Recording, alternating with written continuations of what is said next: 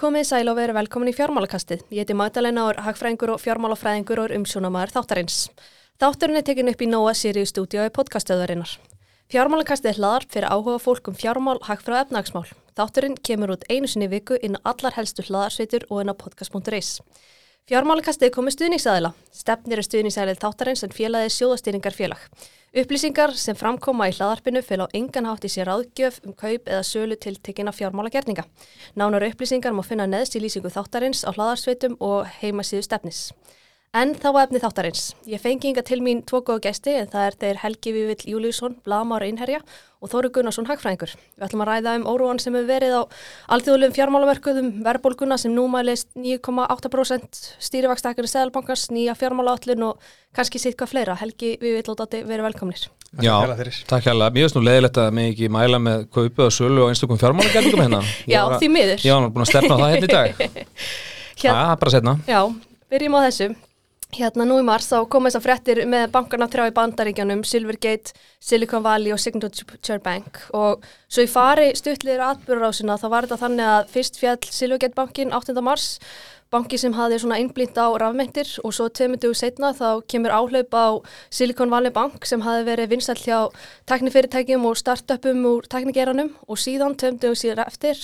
Það er Signature Bank lokaður að eftirleits aðilum í New York ríki en hann var Uh, einnig banki sem var svona stór í rafmyndum. Uh, mm. Fyldust þið eitthvað með þessari atbyrður og svona hvernig horfur þetta við ykkur? Já, sko var þetta Silicon Valley Bank þá verðist þetta hafa verið mjög uh, mjög ein, einfaldir hluti sem gerust þar um, þetta voru sagt, mikið af start-up tækni fyrirtækjum í, í, í sagt, viðskiptum hana og þessi fyrirtæki er náttúrulega fulla peningum hérna, frá fjárfæstum þannig að þau þurfa ekki að fá lánað í banka til að halda, halda reksturinnum gangandi. Þannig að Silicon Valley Bank uh, voru saðið fréttið því að þeir eru rauninni geimt uh, öll þessi innlán í, í ríkiskuldabrjöfum og svo mm. verða vaksta hækkanir bandarska selabankars raðari heldur en mennáttu vona þannig að uh, það er í rauninni bara eitthvað, eitthvað, eitthvað ein, einfalt svona tímamissvægi sem verður þessum banka að falli. En svo verður líka að vera sem að stjórnast í bandaríkjónum séu að herða mjög að þessum rafmynda geira þar að segja mm -hmm. allum þessum hvað kallar maður þetta allum sem rafmyndakaupallum að fóna alltaf inn hann að FTX og hausin fyrir ekki svo langu mm -hmm. og uh, CTFC sem er hérna regulator í bandaríkjónum sem er hérna, hérna heldur utanum regular tengt uh, ráðurumörkum hafa allatíð verið svona ansið samvinni þýðir með þessum rafmyndagæjum. En þeir eru búin að snúast gegn þeim núna. Þannig að þetta í rauninni það má kalla þetta smá árás bandarinska alveggisins á þannig rafmyndabusiness sem að það lendir þá illa meðlan á þeim böngum sem hafa verið mikið í, í, í þeim málum Það sem er svolítið skemmtilegt við þetta er í raun og raun hvað banka áhlaup getur komið þá fljótt núna á, á þessum tímum sem við búum við svona þessari tæknu öll þegar uppsingar streyma á samfélagsmiðlum og þú getur bara opnað símaðinn og mm -hmm. fært fjá milli því að Uh, ég, ég sá eitthvað myndband frá um, það sem gammalt bankamæður var að segja frá því hvernig hann bróst við þegar hann óttaðist að væri bankaáhlöp ja. og, og þá svona stik, sagði bara hvernig þú skjaldkjörnum þetta haga sér og hvort að við þessi aðstæðar þá ætti að mynda að tildegna langa röð þannig að það myndi ganga hægt á innistæðunar og svo skipta hann um ykkur strategi og þá vildi hann hafa enga röð þannig að fólk myndi ekki fatta að væri verið að gera bankaáhlöp á hann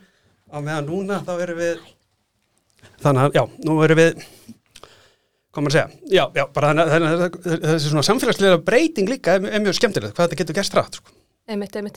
Myndið segja er hættulegt fyrir banka eða, og að svona einblýna mikið á einhvern ákveðin geira eins og í þessum tilvellum tæknigeiran og svo rafmyndir? Mér finnst fallegt þegar, þegar fyrirtæki einblýna á tiltekna sillu og reyna bara stjónust á þeim markaði eins vel og mögulegt er. Mm. Ég, svo, en svo á móti kemur þá náttúrulega kannski við þessar aðstæðar það er kannski skeinsald að fjölga eða, þá er ákveð örgi því að vera með uh, fleiri stóðandir rekstrinu en mm. það er samt svona með, þá næst alveg ótrúlega mikil sérhæfing en svo kannski hættulegt að vera sér þannig að þessi líka sérhæfingin var ekki endilega það sem en að falli eða var, var ekki bankan að falli heldur var bara, hann var með Já, var ekki bara bóla í, í þessum tekni fyrirtækjum Nei, það, sem ég er að vísi er bara þeir fengu fullt af peningum, já, já. bara einn á reikning á sér urða að gera eitthvað við hana og setja hann í ríkiskuldabri þannig að það voru ekki vandræði tækni fyrir hann per se kannski sem allir þessu, heldur var þetta vextastefna Sæðlabankans í bandaríkjum Já. að hafa vexti þetta lága lengi Mhm. og það, er í raun og veru, það var það sem draf bankana í Já, raun og veru. Já, já, svo hefur líka auðvitað verið eitthvað svona bóla í gangi í þessum tækni geira, eh, minn eins og er ekki, maður við erum að heyra þessi fréttir að Facebook og Google að segja upp þúsundum að meðalunin eru ykkur í 300 dólarar á ári Mhm. og hérna, þetta fólk er að reyna að sækja um vinnu um öll bandaríkin í tækni geiranum en Já, þú ert að segja upp 3000 mann sem er með meðaltali 300 dólar á mánu eða hvort á 280 þá er greinlega eitthvað komið hann á böndunum sko. Mm Gætu þessi tíðandi þýtt að svona Sælabanki Mandaríkjanar og kannski fleiri Sælabankamuni kannski uh, ekki hækka vexti meira eða? Já, með við hvernig sko allir ha hagvísar bendur til þess að sé bara kreppa uh, á leiðinni til okkar. Uh, aðeins fyrir að færiðin í Európu því að það eru orkumálin í hérna, verðarstandi heldur en við aðeins hvar en ég held að vaksta hrakkana ferill uh, ferillin sem minn sáu fyrir sig fyrir svona 5-6 mánu sem búin að breytast aðeins. Ég, og svo er það líka bara þannig að það hérna bæði bandarska ríkið og, og þessi stærstu lönd í Európu skulda það mikið. Þannig að ætla að sweet spotið á verðbólgunni sé ekki svona 46% í bandaríkjanum á Európu og það getur haft vextina eitthvað aðeins þar frá hann að jafnvel mitt á milli. Þannig að það er ekki of sásöka fullt fyrir neitt og þú brennir burt 5% skuldunum á ári. Mm -hmm. Jú, er það ekki þannig að svona með að við svona fjárfestar í bandaríkjónu verið streikna með því að bráttmunni vextir lækka en, en, en svona stefnusmiðir í bandaríkjónum þeir hafa ekki indikita þetta enn sem komið er. Mm. en ég er samt algjör samanlega já, Já, ég meina, samanlega, og, olíuverð byrjaði að leika niður sem að hérna er yfirleitt sko svona besti besta vísbendingin um, sko, um almenna efnaðstróun það er nú ástæðan fyrir að OPEC Plus allir þetta skera niður til að reyna að hressa verðið ekki, hressa verðið aftur við. Emitt Hérna svo um miðamars uh, þá kaupir svisneski fjárfæstingabankin UBS annan svisneskan alþjóðlega banka Credit Suisse uh, sem var stopnaður árið 1856 til þess að koma í veg fyrir að bankin halli, falli. Svona hvernig horfið svo atbyrður ás við ykkur? verðist nú hafa verið vesen á Credit Suisse bara í Ansonborg ár núna. Það var, gerist eitthvað í COVID líka við maður rétt. En þetta er náttúrulega svona einn af þessum risaböngum sem að einhvern veginn haldraði gegnum fjármálarhunni 2008 og var kannski þessum íslensku bankarnir hafa nú fram yfir gladlaðar í heiminum í dag að það var hreinsað út allt draslið. En það kannski er nú bara bara einn af- þessum risaböngum sem að ítti, ítti vandanum stuðið út og undan sér bara síðustu 14-15 árin. Og hérna það þurfti ekki nema þess að vaksta eitthvað í bandarækjum til, til að fara illa með og svo sá ég fréttir af því að hérna, þeir hefðu líka lendi í miklum bara úttektum upp á marga milljar dólara þannig að eins og við vorum að tala um á hann það getur, getur verið mjög fljótt að gerast. Helgi? Svo mjög áhugaverð kannski við þetta svona þe- þegar Sæðlabankin hérna úti er að þrýsta á hana sam, þessa sammenningu að þá einhvern veginn þá, þá er þeir sem eiga svo kallur skuldabæð additional tier 1 sem er þá náttúrulega rétt herri heldur en hlutaféð þegar bankin fyrir á hausinn þá voru þeim einhvern veginn aðeins ítti hliðar og, og hluthöfum gert til höfði. Þannig að þeir svona voru að ruggla með kröfaafröðina sem er mjög sérstakt á, á, þessum tímum. Þannig að já, Já, við konumst nú aðeins við það að breyta kröðaðuröðinni hérna á Íslandi. En- já það en- var svona, svona ba já. bankarhruna meðan það bara er er eitt banki hérna sem svona Einmitt, einmitt. En játna, myndið þið segja er regluverk í það var líka fyrir innistæða einhundir en ekki eitthvað svona Já, fagfjárfesta einhverjum svona skuldabrið. Einmitt, en játna, myndið þið segja regluverk í kringum banka, kannski bæði hér heima og erlendis, er það of íþingjað eitt eitthvað mati eða svona hafið einhver skoðun orð því? Svona regluverk í kringum banka? Svona eins og hér á landi þá þurfa íslenski, borg, íslenski bankar að borga bankaskattin sem í raun og veru týðkast ekki víða. Hann er allavega í Svíþjóð og það er hann mun, mun lægri heldur en hér á landi, sko, hvort það var, uh, að ég man nú ekki nákvæmlega, skatt, jú, skattprósentan er eitthvað þrefalt herri en hér á landi, sko. Þannig að það er strax svona stundu við höllum fæti með þetta. Já, en ef við ætlum að vera með eitthvað seðlabanka sem getur bara fengið opinn tjekka á skattgreðendur alltaf það má færa rauk fyrir því og þurfir stranga reglur til þess að mingu líkur á því að banka fyrir hausinn en En, er ég veit, svo, ég veit svo sem ekki hvar rétti balansin er hann á milli Nei, ég en, kann en, það svo sem ekki, en, en allavega en svo bankar hér á landi, þeir þurfa að bunda mun meira, meira eigi fyrir heldur en uh, bankar víða erlendis. það er alveg rétt Þannig að munurinn er svona, það, það er, það, uh, minni eiginfórbending, hún, hún leiði til meira hagagstar en á móta kemur og þá ertu með örugara bankakerfi hér. Já, já, það er einmitt akkurat á stundum sem, og tímum sem þessum sem að hérna, þetta- þetta kemur, þetta sko. kemur það á gagni Já, þurfa þess ekki. en hérna, jú, hérna, þetta hefur allt sína kost og galla svo sem sammála Dota, ég er ekki djúp, djúpur í, í, í þessum fræðum til þess að geta gefið svona akkurat þennan stimpil, sko. Já, já. En játna, þurfa uh, fjármál eftirlit heimsins að hafa kannski betra eftirlit með því að ákveðna fjármálastofnun verða ekki of háðar lágvaksastefnu. Ég held að það sé of seint að, of seint að gripa þetta þeirra ráða núna, ég held að það sé nú bara komið í ljós hversu hérna háður allir, ekki bara fjármálakjöri, heldur allir heimurinn hefur verið sko uh, nánast ókip, ókipis fjármagni í, í ykkur 20 ára eða lengur sko alveg frá því upp á 1990 hafa vext hefur fjármálskostnaði verið bara mjög lítill á heimsessu í, svona, í sögulegu samingi og uh, það eru svona fleira og fleira átt að segja á því sínismanni að hérna, það sé að fara að breytast. Það er að fara, fara að vera dýrar að skulda peninga núna heldur en hefur verið á síðustu áratugum. Einmitt, Helgi, sammála því?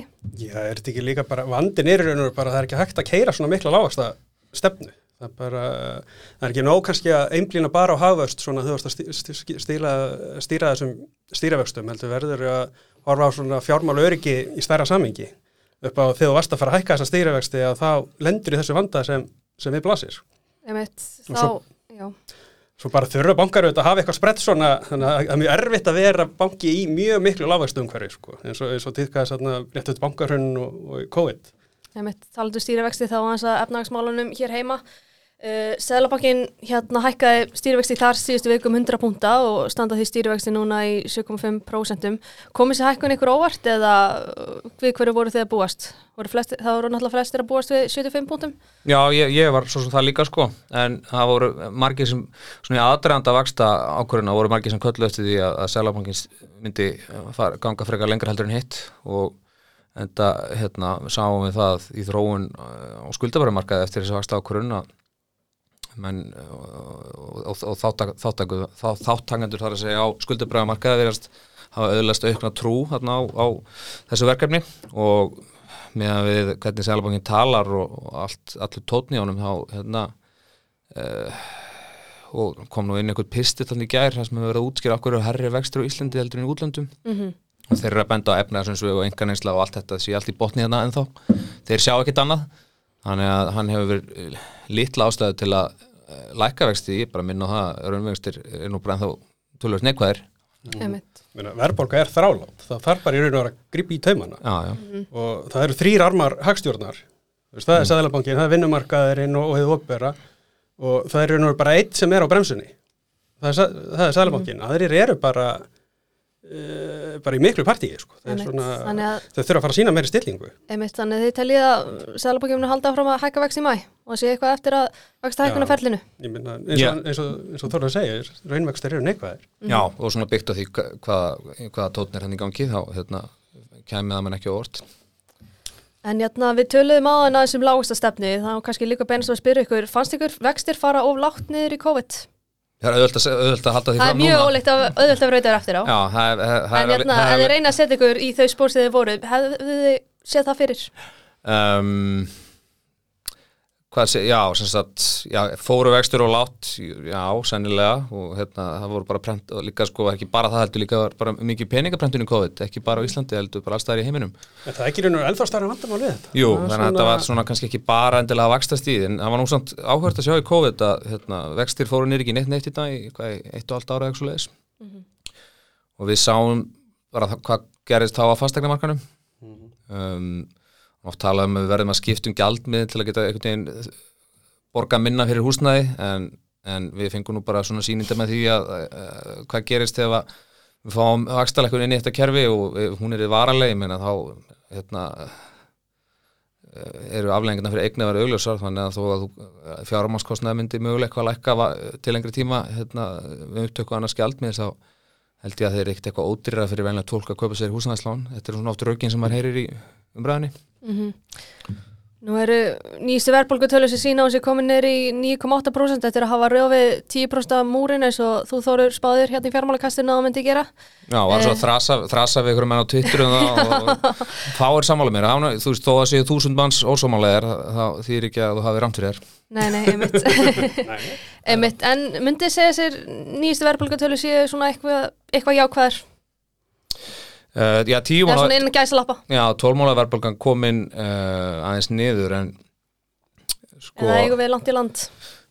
Sko áhverst að skoða undirliði verðbólgarnar svona í þessum löndum í kringum okkur. Til dæmis matvala verðbólga í Þýskalandi þessu tólmánuði er 25% um, alls konar svona undirliði sem eru að hækka svo rosalega og, og þegar að verður svona hliðrun á ráðurumörkuðum eins og hefur orðið á síðustu uh, síðast árinu það tekur að svolítið tíma að, að, að hérna, hríslast í gegnum kerfið. Þó að menn, menn eru ofta að horfa okkur að framverka samninga og spája að matvælaverð sé komið upp eða niður út frá því.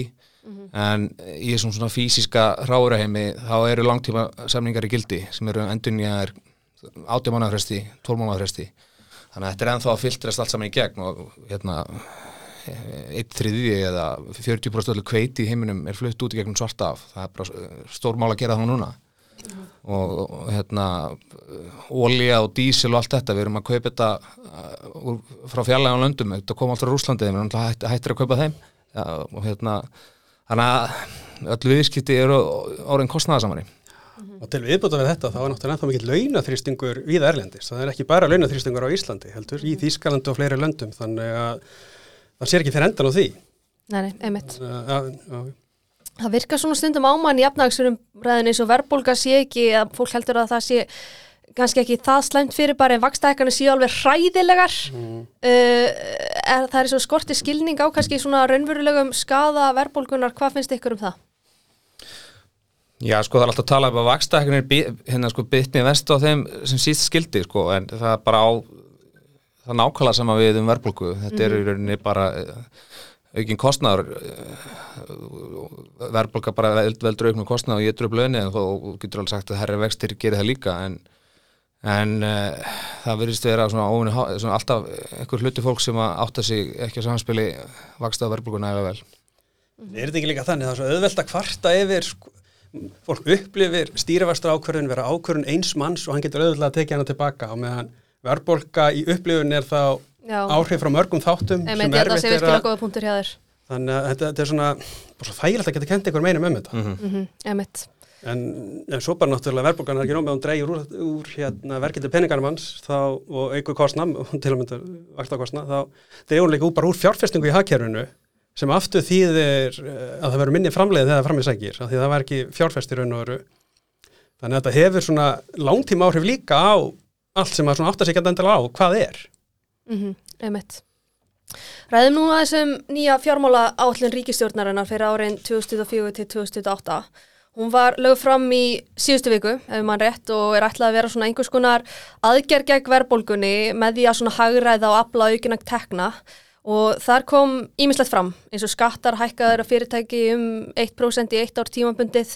Og þar kom einni fram líka að halli ríkisjós verður neikvæður næstu þrjú ára minnstakosti og það hefur verið gaggrind í þessari áallun að tekju ríkisjós sé ekki vandamáli heldur það að útgjöldin séu mikil Uh, félag atvinnureikanda lífsti meðal annars vanbreðum yfir þessari áallin og gaggrin að lítið sér gert til þess að hagra í útgjalda uh, hliðinni í ríkisextinum. Kynntu þið ykkur þessa áallin og svona hvernig horfið hún við ykkur? Það lefa Helga bara alveg eða þessa spurningu Já, Ég hann eiga ég, þessa ég, ég spurningu. ætla ekki að segja þetta Það er svo passífur. hérna, fjármála áallun allu þetta vonbröðum. Við erum að tala um það er 9,8% verðbólga og það er lítið gert til þess að vinna bögu henni. Eins og ég nefndi á þann, þá eru náttúrulega þrýr armar hagstjórnar eru þrýr Mm og þarna segja þeir algjört pass. Því miður kannski áttum maður ekkert endilega vona á neinum róttækum aðhalsaðgerðum í ljósið þess að sástæðarflokkunum framsókn og vinstri græneiga í e, samstarfi. En þetta eru vinstri græn og, og sjálfstæðarflokkunum eru mjög ólíkar skeppnur og þarna er vera á svona tímum þá kemur það í ljós svona hvað, hvað svona samstarf getur verið erfitt. Svo svona segja þeir sem eru uh, hliðhóllir sjálfstæðarflokkunum segja að þetta hefði orðið enn verra hefði hans ekki notið við sem er svo sem þetta er rétt held ég en það sem hérna mm, vel- já, veldur manni vonbröðum er hérna líka uh, já, þetta, þetta skortur á aðhaldi, en þeir sem þeir, þeir stefna nú að ná frumjöfniði uh, jákvæðum í ár um ykkur 20 miljardar, -hmm. En áður stemdi þá í ykkur 50 miljardar halla. Mm -hmm.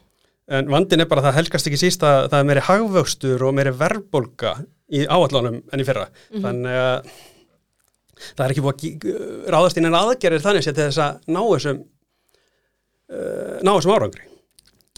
Þannig að svo getur maður líka alltaf svo má alltaf spyrja sig hvað, gerist ef þessi hagvastaspá reytist ekki? Þetta er náttúrulega bara einhver hagvastaspá sem er búin að hækka uh, og svo aftur náttúrulega hækka tek, hækja uh, fjármars, eða tekjuskattin tímabundið á fyrirtækinum, þetta 1% einhvern veginn, tímabunda skattahæknarnir er veginn alltaf eitthvað sem er óttast verulega. There is nothing as permanent as a temporary government program, var það ekki eitthvað svo leiðis? Nákvæmlega. S- og svo þarf, að auka skattimt og sjávarútveg einn ein af okkur besta útflutningsatvinnuvegum. Það er alltaf að fara að sækja eitthvað, eitthvað auka fjármagn þangað. Þannig að það er svona pólitíkst auðvelt en það verður svona forröndilegt að sjá svona hvað mikið á að sækja uh, fjármagn þangað líka Já, nei, einmitt. Hérna við ætlum svo sem ekki að staldra lengi við þessa spurningu en snúm okkur aðeins að hérna, fastegnamarkaðurnum sem hefur verið að kólun undafarið. Teljið þið að hann mun fara mikið niður eða svona hvernig sjáu þið það? Já, hann er náttúrulega niður, Nei, bara svona þegar undir, hvernig sko svona, ég, svona uh, fundamentals í þessu eru samt þau að það er, meina, það, er sko, það, það vandar meira húsnaði heldur en er í bóði það þarf að byggja ákveðu mikið á næstu árum bara til að hýsa allan hennar mannfjölda sem er hérna og, og, hérna, og horfum fram í tíman á mannfjölda spár þá vandar húsnaði í landið en ég held að einhver verð sem við sjáum núna sé ekki mikið að markaði þannig að nánast engin velta á, á, í fastegnum akkurat núna. Og þau fastegna viðskipti sem það heyrir af þetta er einhverjar keðjur, það sem einhverjar sjö þetta er einhverjar sjö, átta dílar þurfa að ganga upp. Þannig að þetta er hérna uh, já, þó, já allir við verðum, verðum bara ekki með uh, svona eitthvað nabberð á okkur svipun stað í einhver tíma sem því náttúrulega það að fastegnir lækkar um verið en er það ekki bara eðlilegt þegar, þegar stýravextir hafa hækka verulega og það er búið að þrengja lántakarskilirðin Já, það já. er bara mjög erfið að fjármagna þessi blössuðu kaup Já, ég held að það hefði ekkert, ekkert minna og sen, sen, að minnstakostu jafn mikið að segja er þetta fyrstu kaupenda hérna, dæmi að hvað er búið að taka fyrstu kaupendur algjörl út á markanum á kipurinn alltaf fótunum undan ansi mörgum svona kaupa að selja keðjum sem annars hefði mögulega gengið upp sko. En hefur svona komið ykkur óvart hvað uh, verð lækka lítið miða við hversu svona dauður markaðurinn er? Ég, ég held að við getum bara aftur horft á velduna og hérna og uh, svona rosalega lítir velta eh, kannski gefur okkur ekki alveg rétt, réttamendið hvert hverjum raunverulega staða er en ég meina raunverð hefur, farið, hefur verið að síga ni- niður á við hérna, og nabberð jafnvel einn og einn mánuð inn á milli. En hvað er, svona alveg frá því ágúst eftirbreið ekki? Sem að þetta hefur bara eiginlega verið flatt svona að Einmitt. Helgi? Kanski, já, við litlum þetta bæta. Það, hérna, svo, þetta er svona bara anekdótur, maður heyrir það svona hjá vinumann sem hafa verið að setja á sölu að þeim finnst þið vera að fá tilbúið eignina sem þeim lít, líst ekkert á þannig séð sko og bara og taka þar aftur á sölu Já. Já, já, ég er einn af þeim. Já, ok. Nei, já, þannig að það kannski er ekki líka bara þess vegna sem veltan er þetta lítil. Þetta er bara svona Jú, jú, það er bara það er aðeins þröngt í ári og, og hérna, ég hugsa nú að þegar fólk fyrir í banka og fara einhvern framregning á hverju láni sem það er spá í. Já, og með stýriðust í hérna, 7,1% Meina, hvað eru skástu vextunda sem er í bóði núna? Maður er bara að skoða þetta á hann þetta er eitthvað 8,7% og einhver svona algjör algjör viðbjöður og fastegna verða er það hátt þannig að þú ert ofta að taka mjög há lán þannig að þetta er svona nefnitt ég held að bara hérna unga, inga, svona, þar kynsluðu sem væru annars og leiðin og fastekar marknæðin hérna þurfa bara að búa heima eitt, ár, eitt ári við bót og hérna vera með þetta á verðrjónreikningi Einmitt, en að lokin þá finnst mér við verðum að koma inn á uh, rekstarum hverju fjölmiðlan eftir tíðindin í síðustu viku. Við höfum öll hér starfað í fjölmiðlum, er þess að öll á markanum, eh, fréttablaðinu sem nú heyri sögunu til. Fannst ykkur ljóst í hvað stemdi með fréttablaði? Já, ég held að það hef alltaf leið fyrir þannig sé að það var einn maður sem í raun og veru fjármagnaði fyrirtæki sem var reikið með gríðarlega miklu tapi ár eftir ár. Þetta bara gengur ekki til lengdar í raun og veru. Bara, Já, hefa mitt þetta í rauninni sko og komur óvart, ég minna það urður náttúrulega þessi stóru vatnaskil hérna um áramótin þegar hætti að dreifis í hús eh, þá fannst manni nú alveg augljóst Það er bara fór að þinnast og þinnast. Já, og þá, þá held ég að það hafa nú eh, verið orðið ljóst þá sko hvernig þetta myndi fara en samt virtist þetta einhvern veginn hafa komið glettilega mörgum í, hérna, í, í opna skjöldu en, en hérna En þetta er enga síður leiðilegt að missa fjölmiðil út af, út af hérna, sviðinu og, og sérstaklega, ég ekkert, ekkert svo langt, langt síðan ég tók skorpu þarna og við öll og mikið af fólki þarna sem að er nú án vinnu og það er auðvitað það er leiðilegasta í þessum málum. Nei, nei, nei, en samkeppnisforskot fréttablasins er alltaf leiðið því að það bara fór inn í gegnum lúðunar hjá fólki og, og þannig náði það einhverjum lestri. Og svo bara þegar dagblæðalestur dregst svona svakalega mikið saman þá er það mjög erfiðu koktill og líka bara það neysluminstrið er búið að breytast svona svakalega þannig að það er allir á netinu. Og manni finnst oft svona eins og þeir hafa kannski ekki verið reyðbúin til að horfast í augu við breyttan veruleika. Og kannski, já, að hérna hafa ekki verið þá tilbúin til að fjárfesta þá bara í efni þannig að þess að reyna að draga fólk inn á þennan, þennan nýja vef sem þau þurftu þá að auglýsa. Já, fá, fá hann einhverja heimsóknir sko, upp á ef þú ert að fá þetta í gegnum lúuna og, og fólk er að lesa pappír þá er það allt önnur samkeppni en að þú þarfst að opna tölvuna og fara en mbl.is vísi eða, eða mun eftir þriðja vefnum, fréttablaði.is Einmitt. En hvað svona þurft að gera til þess að bæta rekstarum hverju fjölmiðla? Þú Helgi skrifaðir pistil bara í morgun þar sem þú bendir á mikilvæg áskriftatekna. Ég raun og veru skrifaði samljóða pistil þegar ég var á fréttablaðinu Já, ég held ég mun eftir. Þannig að hérna, ég man einhverju samstæðsmenn kom að mér og skrítið að ég væri svona að nefna þetta vinnandi hjá fríblaði. En í grunninn helgast þetta því að ég held að vandi fjölmila í grunninn er ekki það sé ekki nóg ríkistyrtir eða, eða rúf sé á auðlýsingamarkaði. Ég held að það sé ekki stóri vandin. Í vandin er að í kringum þegar internetin var að slíta baskonum að þá urðu frétti fríar og, og allt annað sem var á þessu blessa interneti. Þannig að fólk vandist því en það er bara ekki rekstragrundöllur þess að reka fjölmiðla bara á auðlýsingatekjum og þess vegna þarf í raun og veru bara fólk að átta sig á því að þú vilt fá þokkalega fréttir þá þarf bara að borga fyrir það Já, já. rétt eins og fólk kaupir Spotify áskrift og Netflix áskrift og, og, hvað allt saman er sko. Og, og, og margir Íslendingar eru áskrifandur að erlendum fjölmiðlum þó þessu ekki endilega áskrifandur að, að íslensku fjölmiðlum. Mhm. Já, ég er alveg sammála þessu. Það er hérna, ég, ég bara sjálfur kaupi eh, áskriftir af nokkrum miðlum, af því ég veit að það- þetta gengi að, góðu efni. Akkurat Einmitt, einmitt. Þannig að það, það er bara ákveðna vitundavakningu held ég meðal fólks sko. Það er svona, og, og, og hugur ekki þá líka þetta kannski hjá, hjá uh, stóru fjölmiðlunum, fjölmiðlunum að loka sínum vefjum sem er mjög erfitt skrefið að taka mm -hmm. því það er erfitt að vera fyrstur í þessu það er ekki um þegar Rúf byrtir uh, fríar frétti líka svo. Þannig að það er ákveðin samkeppnis e- erfið samkeppni við þannig fría miðil það er alltaf stíðið þetta einmitt. En að venju þá endur við þáttinn á persónulega nótunum og ég ætla kannski að spyrja ykkur hérna, hvað svona lærið þið og akkur var svo fræðingarinn fyrir valinu? Já, þú veist, ég fór, ég, ég byrjaði þetta í lögfræði, af því að Já, ég man ekki, ég man ekki hvort þú sagði þá sögu síðast. Nei, ég, byrjaði, ég byrjaði að lögfræða því að ástæðan fyrir ég skráði mig það skráði mig í, þess að það nám var að hérna, nú, yfirleitt verið góður í því að muna mikið af hlutum utan að því að sagði, já, ok, það verður okkur fínt fyrir maður fyrir lögfræði. Því að maður þarf að muna einhverja dóma og hérna, muna einhverjar vissar greina til að vísi í tengsluðum þá. En hérna þótti það afskaplega leðinlegt og hætti þar bara eftir minna en eitt ár og farið mér í hagfræði. Og það er bara því að ég var nú hagfræði er náttúrulega rauninni bara svona hinn efnaðastlega hlið mannlegar hefðunar og er alltaf þótt það er svona áhugavert áhugavert svona rá, eh, það var, já, ætla mér, get ekki kallað þetta auðlinda hagfræði eða orku hagfræði eitthvað svoleiðis, fór til Norex og Parísar og, og bætti því við þá. Já, ég hérna mm, er með þá bíaprófi í heimsbyggi og viðskiptafræði og svo tók ég mestaraprófi í viðskiptafræði. Og ég fór í heimsbyggin á síðan tíma því að e, ég hafði starfað á viðskiptablaðinu í þrjú ár fram að bankarhunni og gæltrótti þá viðskiptablaðsins. Og það var svona manni bara júksaði bara, já, ég ætla að vera prófa að læra eitthvað annað en þeir sem tóku þátt einhvern veginn í þessu hrunni ég held einhvern veginn, já, ég ætla að prófa að höra inn og hugsa einhvern veginn öðruvísi. En, svo hérna var líka ákveðin drifkraftur í þessu og auðvitað mörgleiti meira var að, var að pappi sem hafði verið í viðskiptaðalífinu hann sagði svona, já, það er mikið að kunna vera frumlegur í hugsun og ég einhvern veginn held á þeim tíma að heimsbyggi væri kannski góð til þess en svo lærði ég það kannski að heimsbyggi ekki endilega góð til þess að búið til frumlega hugsun heldur um svona góð í að búið til gaggrína hugsun og, og, og svona raukstiðja hluti sko. en svo man ég bara þegar ég var í þá, nei, í heimsbygginni að þá það var ekkit endilega það mikið mikið, mikið um góða valkursa og þá ákveði að taka viðskiptafræði sem aukafag. Þannig að hef ég alltaf brunnið fyrir uh, svona